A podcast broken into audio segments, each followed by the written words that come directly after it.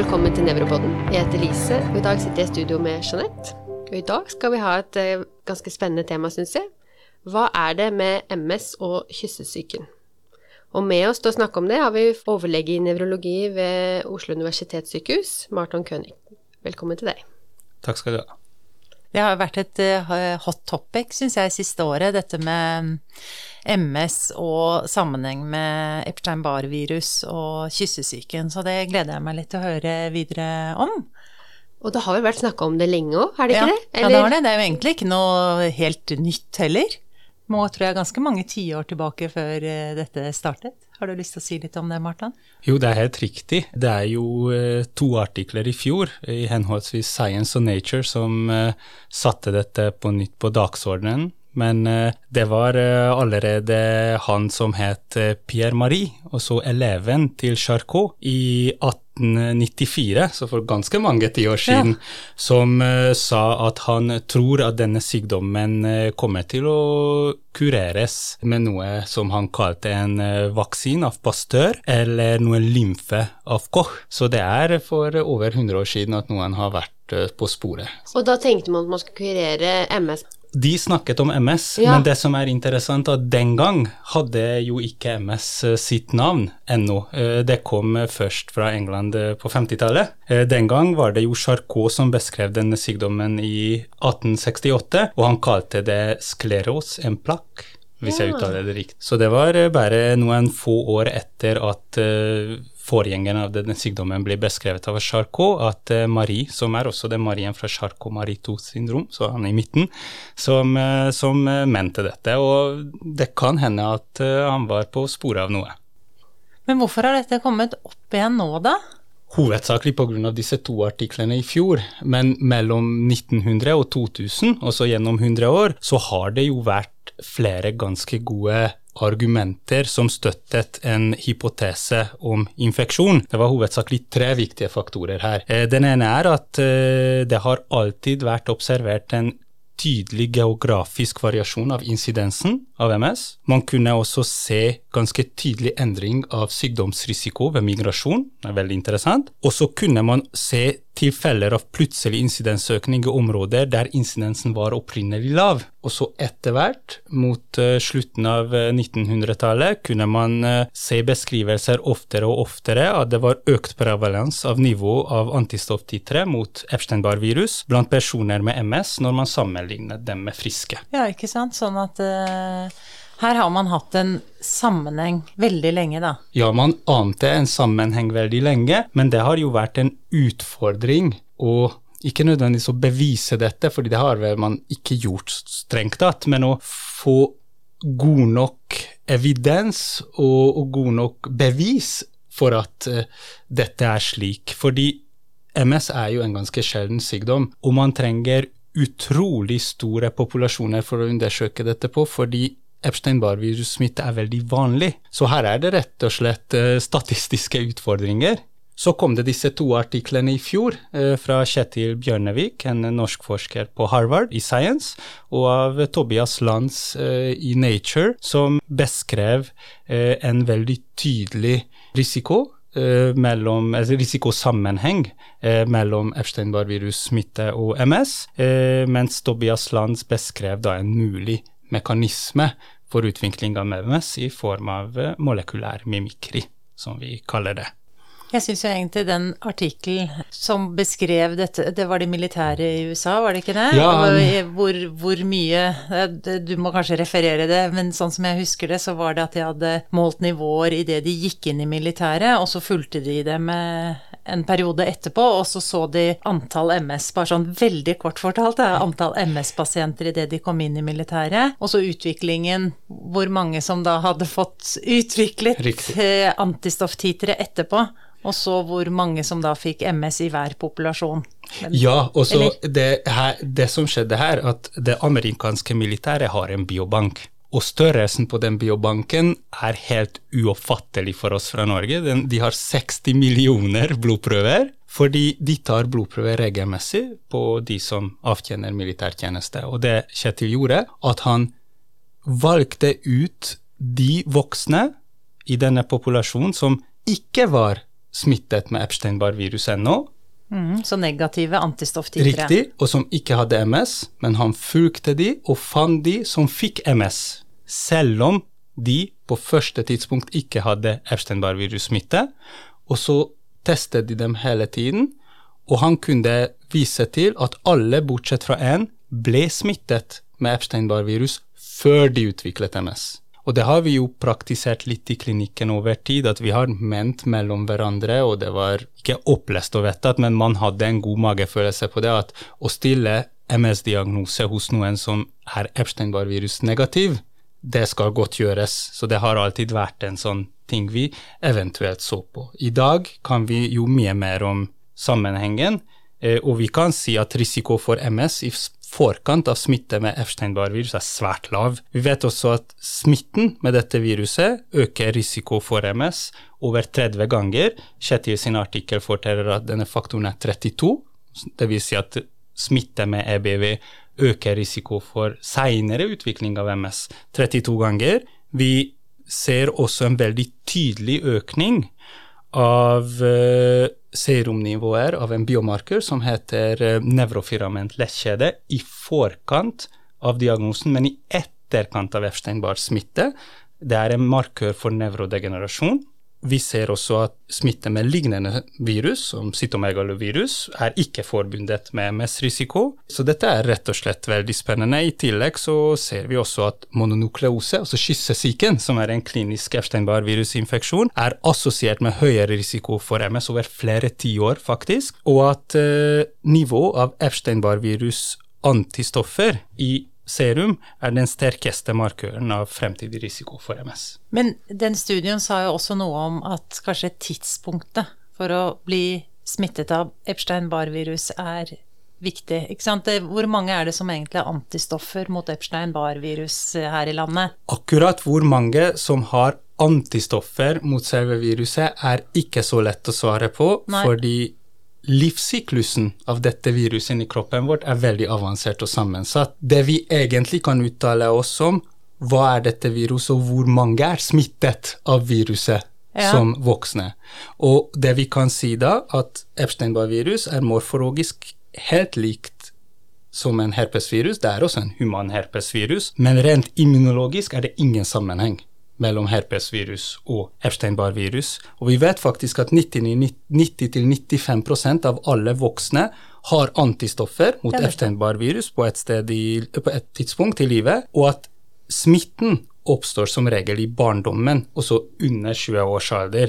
Ikke sant, og, og, da tenker man, eller i hvert fall sånn som jeg forsto det, da, litt sånn folkelig, eh, at det er ikke så farlig å få Epstein-Barr-viruseksponering tidlig i livet, men å få den i den fasen fra type 18-20 og oppover, det er, faktisk, er, kanskje en større risiko, men det kan kanskje du utdype litt, ja, basert på de studiene? Muligens litt tidligere. Ja. Uh, vi vet at en primærinfeksjon er som regel usynlig når den oppstår i tidlige barneår, mm. uh, men 75% av alle som blir smittet senere i barndommen eller som ungdom, utvikler mononukleose, altså klinisk Epstein-Barr virusinfeksjon. Rett og slett når du begynner å kysse. Det er derfor det heter kyssesyken. Ja, men muligens litt tidligere òg, fordi det er, det er eh, vist at eh, i land med lavere sosioøkonomisk status og med verre hygieneforhold, så oppstår smitten mye tidligere. Ja. Og i de samme landene er også forekomst av MS mye lavere. Interessant, da, ikke sant? for vi snakket jo om insidensen, bare sånn for å ha det på plass. Vi har jo snakket om det i en annen episode, Lise. Eh, men insidensen er, er vel av de høyeste her ja, i Skandinavia? Uten tvil. Hvordan forklarer man eh, den sammenhengen, da? Eller hvordan tenker man at det er den sammenhengen mellom MS og EBV-virus er? Man har forskjellige teorier, men før vi snakker om det, så er det to ting uh, som bør nevnes.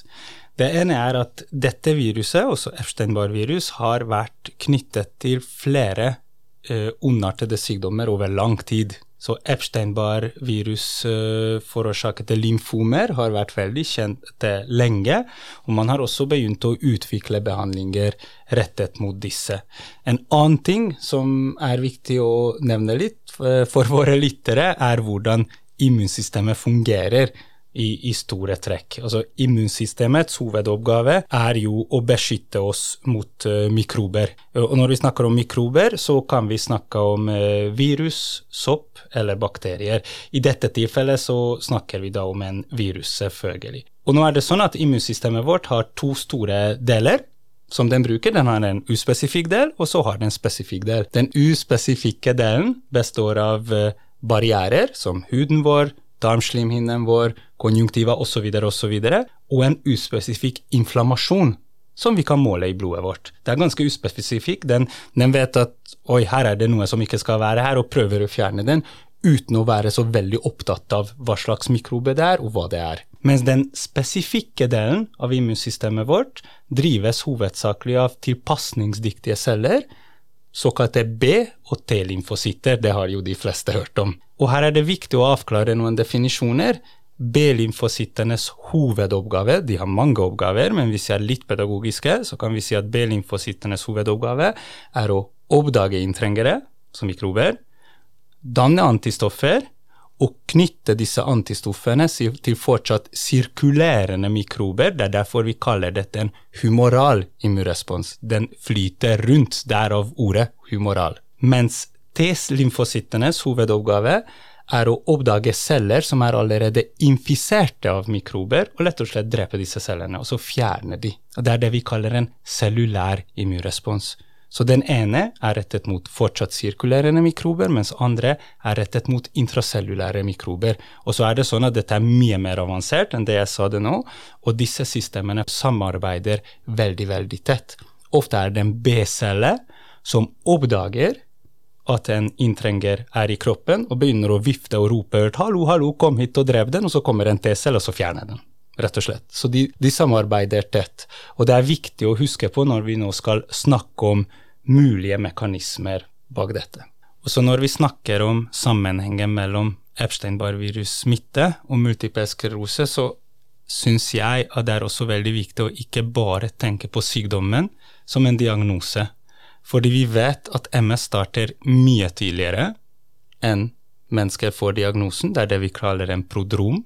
Og det gjelder jo mange andre nevrologiske sykdommer òg, så nevrodegenerative tilstander. Både Alzheimers sykdom og Parkinsons sykdom har jo mest sannsynlig en subklinisk prodrom, som vi skulle gjerne oppdaget, fordi da kunne vi ha behandlet eller forebygget den bedre. Det har vi med MS også. I tillegg så har også MS en mer progressiv og degenerativ fase seinere i livet, som også er litt underkommunisert, der vi heller ikke har noen god behandling i dag.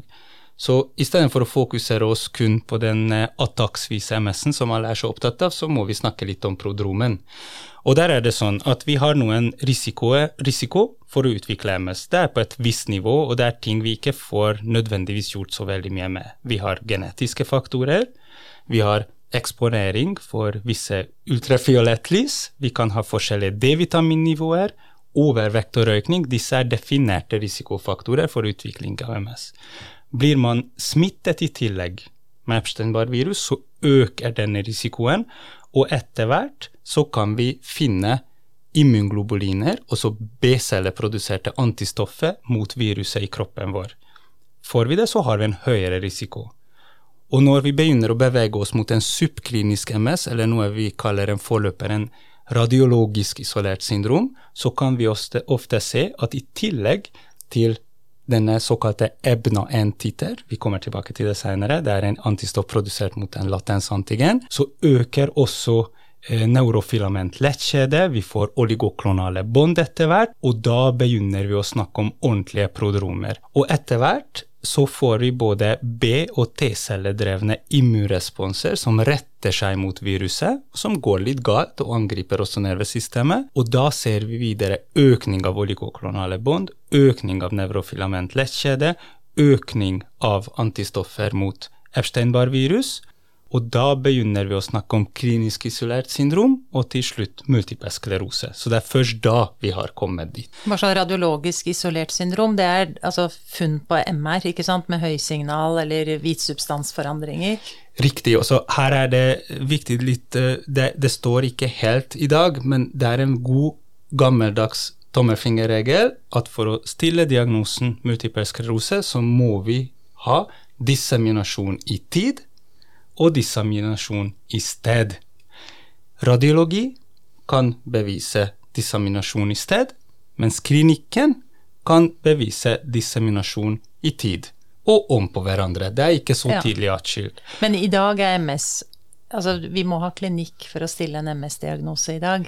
Ja, den er fortsatt en hovedsakelig klinisk diagnose. Det er helt riktig, og riktig diagnostikk er også veldig viktig, fordi i dag har vi veldig god og effektiv behandling mot MS. Vi er selvfølgelig ikke 100% fornøyde, det er vi absolutt ikke, fordi vi ikke kan kurere MS, men det er en potent behandling, og det innebærer også at mennesker som ikke har MS, bør nok ikke få det. Så her har man et ansvar, naturlig nok. Nå har du snakket litt om immunsystemet, eh, Epstein-Barr-virus, vi har liksom nevnt opp mange ting. Nå sitter sikkert lytterne våre og lurer litt på oi, oi, oi, her er det mange som får eh, MS eh, i løpet av livet, men det er jo ikke helt sånn. Så igjen, hvorfor er det ikke flere som får MS, og hvordan kan vi sette dette inn i både fremtidig forskning og behandling eh, samtidig? Så nå skal du få lov å svare på mange ting, men du får eh, Jeg sender det litt til deg, så får du starte litt hvor du vil. Ja, det var veldig snilt. Takk.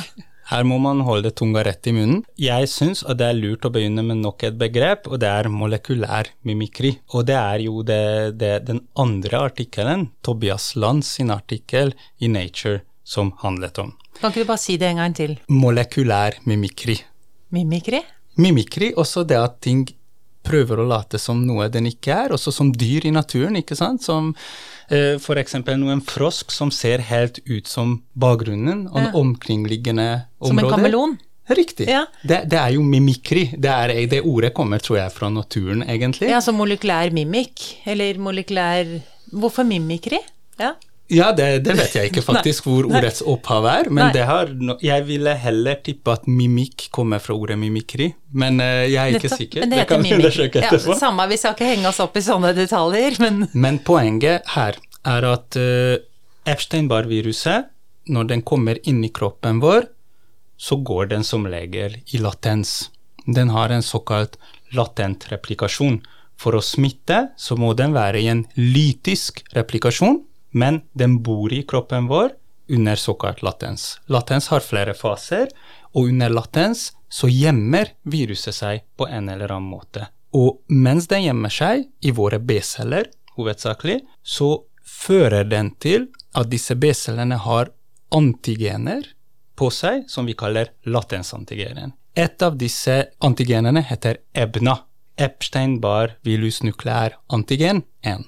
Og det er sånn at dette er da en protein. Altså det er en protein som bygges opp av aminosyrer, peptider, proteiner, ikke sant? Og det er nå oppdaget at antistoffer produsert mot visse deler av EBNA1 kan kryssreagere med deler av vårt sentralnervesystem. Glialkam er en eh, celleadhesjonsmolekyle, kanskje på norsk, cell molecule, der, derfor den har CAM på slutten. Det er en forkortelse som bor på oligostentrosittene våre. I tillegg har vi noe som heter anoktamin 2, så har vi noe som heter myelinbasisk protein. Alle disse antigenene og disse eh, objektene uttrykkes langs disse ramvierske innsnevringene mellom myeline på eh, nevronene våre. Det er hovedsakelig glia- glialkam. EBNA1 har en molekylær mimikri med. Men vi ser at etter hvert kan disse epitopene som fanger antistoffene, de sprer seg, og det er det vi kaller epitopspredning. Og vi ser at denne epitopspredning fører til en såkalt perinodal hotspot. Det er det de kaller det på engelsk. At Ja. flere og flere antistoffer kan angripe dette området. ja, hvis- i myeline, ikke sant? Rundt, omkring der. Ja, Helt ikke sant? Nå må lytteren eh, henge med, det er mye detaljer her. Vi kan si at dette pågår der demyeliniseringen skjer, Ja. som er jo poenget Ikke med sant? MS til å begynne med, og så etter hvert så får vi aksonal degenerasjon også. Men det er muligens uh, mekanismen. Også, Ja, så- denne lille Jeg, jeg ser liksom for meg en sånn bitte liten antenne Ja. på dette viruset, eh, som, som er da antigenet. Men det er kanskje ikke helt riktig, da.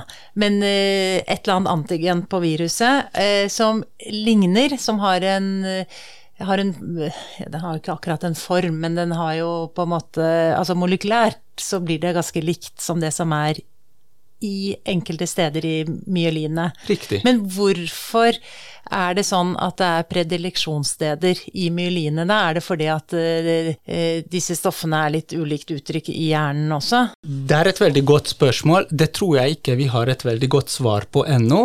Men, men poenget er at det virker sånn at denne mimikrien, altså antistoffene, som tar feil ja. mellom virusets latensantigener og deler av sentralnervesystemet, ja. de har en sånn beliggenhet.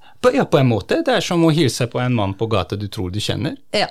Eh, på en måte. Ja. Og da går resten av immunsystemet til angrep på myelinet? Det kommer vi tilbake til. Eh, før vi gjør det, så er det også en viktig ting å si at det er ganske godt beskrevet nå at en del av pasientene har da antistoffdannelse mot både glialkam, anoktamin 2 og myelinbasisk protein ved MS, og i hjernevæsken er det også oppdaget klare mengder antistoffer, som også bidrar til disse oligoklonale bondene, mot glialkam og også mot noe som heter BRRF2, som da befinner seg i oligodendrositter, astrocytt-endeføtter, både intracellulært og ekstracellulært. Og vi vet at disse antistoffbindingene kan stimulere en cellulær immunrespons. ikke sant? Nå kommer T-cellen inn i mm. bildet. Mm. Som ved hjelp av f.eks. noe som heter gransim, kan komme og ødelegge disse cellene, eller disse delene som uttrykker dette. Men hvorfor og hvordan det skjer, er man litt usikre på, og her er det to store teorier. Det er ingen som vet hvilken er rett, om kanskje begge to. Og hvis vi skal si det enkelt, så er det er spørsmålet, eller lyder spørsmålet slik Er Epstein-Barr-virussmitte en trigger eller en driver av MS?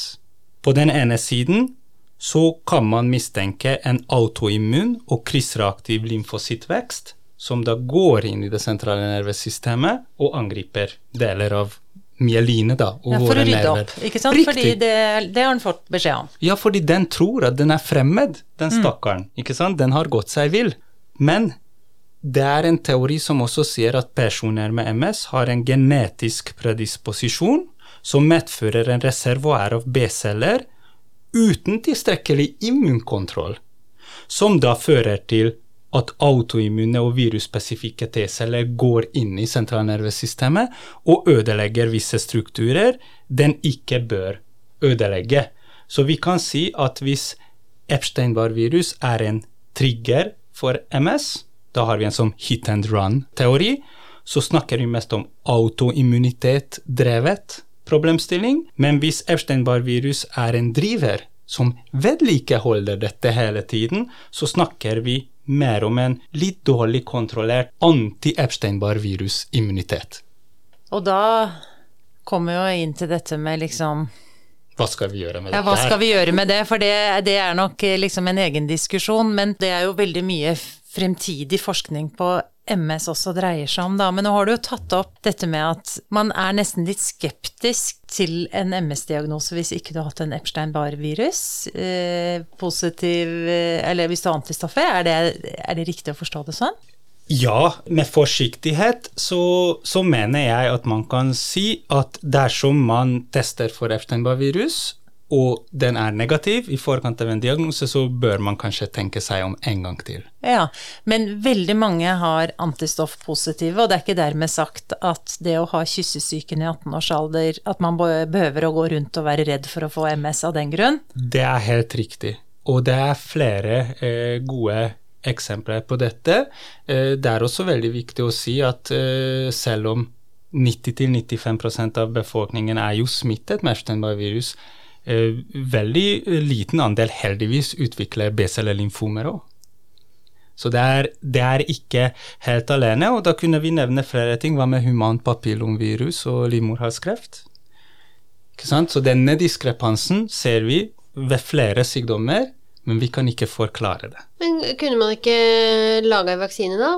og så bare vaksinert hele befolkningen og kvitt problemet. Hvis det er driveren, da. Dette er et veldig, veldig godt spørsmål, og man skal ikke legge skjul på det at pandemien kan ha påvirket vår måte å tenke om vaksiner på på både en positiv og en negativ måte, og det mener jeg gir oss et ekstra ansvar når vi snakker om vaksiner, fordi den kan rett og slett gå begge veier, og det er helt forståelig. Hvis vi prøver å rydde opp i disse tankene her, så kan vi si at vi kan yte primærprevensjon, altså vi kan ha for, forsøke å ha tiltak som er primærprevensjon, dvs. Si at vi prøver å forebygge smitte med Epstein-Barr-virus.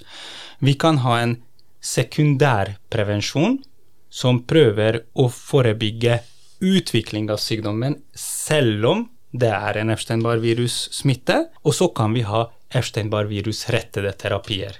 I den første gruppen, ved primærprevensjon, så kan vi snakke om profylaktiske Epstein-Barr-virusvaksiner.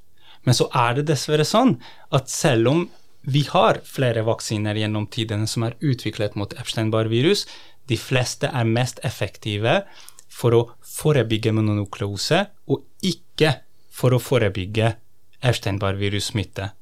Og her, kanskje noen lyttere, og dere har allerede begynt å tenke på pandemien igjen, husk på hva hovedindikasjonen for å bli vaksinert på, for var.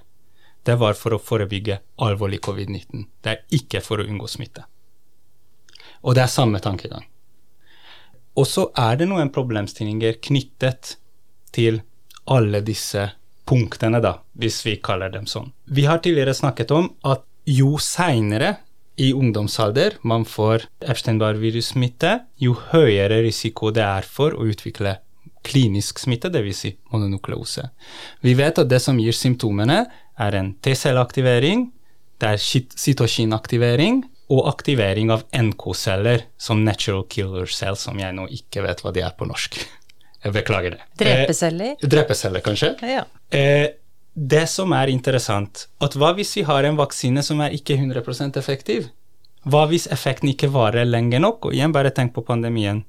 Kunne de medføre at vi skyver smitten utover i høyere alder? Kan det hende at vi skyter oss i foten? En annen ting med disse intervensjonene er også at veldig mange vaksiner fungerer på den måten at de gjør immunsystemet mer oppmerksom på at vi kan ha en inntrenger, og øke immunresponsen mot inntrengeren. Men hva hvis vi ikke klarer å kontrollere hvor immunresponsen går? Det kunne i teori forverre symptomene. Så her er det veldig mange veldig lovende terapeutiske opsjoner, både i form av vaksiner, både steriliserende vaksiner, som vi kaller det, som forebygger smitte, og ikke-steriliserende vaksiner. Vi kunne også bruke T-celleterapier, som er kjempespennende, hvor man kan både bruke autolog og allogen T-celleterapi. Sånn bruker man mot kreft i dag, at man kan ta ut T-celler fra en kreftpasient, endre litt på det og så putte det tilbake. Men så langt har vi dessverre ikke kommet eh, når det kommer behandling av MS. Eh, per dags dato så har man flere vaksinestudier, bl.a. mRNA-vaksinestudier drevet av Moderna. Flere skal det nok bli. Men det må gå litt tid, og så tenker jeg at vi må lære veldig mye fra onkologien, hvor ja. de har vært gjennom disse tankene før mange ganger. Per dags dato så har vi ingen god behandling mot MS som krysser blodhjernebarrieren. Og vi mener, jeg tror vi er ganske mange som mener, at det er der gjennombruddet kanskje, at vi trenger behandling som går til det sentrale nervesystemet. Men det er også bare en teori, fordi per dags dato så vet vi ikke hvor denne vekslingen mellom lytisk og latent replikasjon av Epstein-Barr-virus som kanskje driver denne sykdommen, foregår. Det er lite sannsynlig at det foregår perifert. Det kan hende at det foregår i det sentrale nervesystemet, men det er også veldig godt mulig at det foregår i dype cervikale lymfeknuter, som drenerer jo vårt sentralnervesystem. Så her gjenstår det ganske mye og spennende detektivarbeid Uh, og jeg må ærlig innrømme at hvis man ikke mener at nevrologi og immunologi er den mest spennende delen av vitenskapen i dag, så forstår jeg ingenting. ja, det var en bra avslutning. Tusen hjertelig takk for at du kom, Marton. Takk for invitasjonen.